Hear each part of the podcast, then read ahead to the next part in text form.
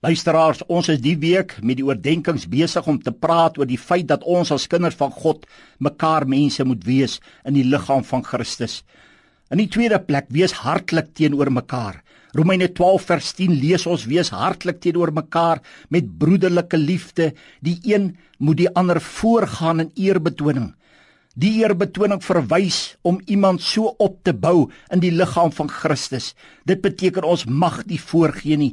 Nee, ons moet altyd opreg wees. Ons mag nie valse agendas teenoor mekaar hê nie, my luisteraar. Wat dit moet beteken is dit dat ons gesindheid so teenoor mekaar moet wees soos ons gesindheid teenoor Jesus Christus sou wees. Ja, liefde soek nie eie belang nie. Praat nie groot nie. Liefde gee om en dien. Ja liefde, kyk nie neer nie. Ja kom ons wees hartlik teenoor mekaar. Maar in die volgende gedagte, wees eensgesind teenoor mekaar. Romeine 12 vers 16 lees ons wees eensgesind onder mekaar. Moenie na hoë dinge streef nie, maar voeg julle by die nederige. Moenie eie wys wees nie.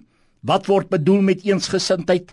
Ons lees daarvan in Filippense 2 vers 2 maak dan my blydskap volkome deur eensgesind te wees en dieselfde liefde te hê, een van siel en een van sin. Wat beteken eensgesindheid nie, my luisteraar? Dit beteken nie dat ons oor alles saamstem wat ons doen en sê nie. Wat beteken dit wel dat ons fokus en doel bly dieselfde al verskil ons oor kleinighede? Wat is die fokus en doel van eensgesindheid?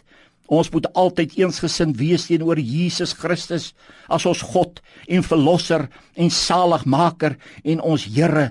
Ja, teenoor die Vader en ook teenoor die Heilige Gees moet daar eensgesindheid wees.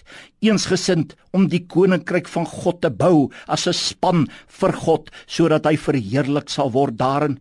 Ja, ons moet eensgesind bly in dit waarom Jesus Christus na hierdie aarde gekom het.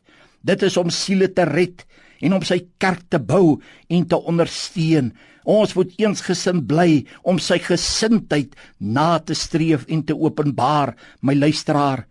Ons moet met dinge klaar kry wat die roeping van God afbreek en wat eensgesindheid teewerk. Ons moet dit vernietig.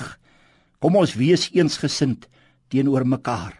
Onthou, die is nie ons koninkryk waarmee ons besig is nie, maar God se En ons het die voorreg om deel daarvan te wees. Ja, net 'n een eensgesinde kind van God en 'n een eensgesinde gemeente en kerk van God kan die koninkryk saam met God bou. Kom ons wees hartlik en eensgesind teenoor mekaar.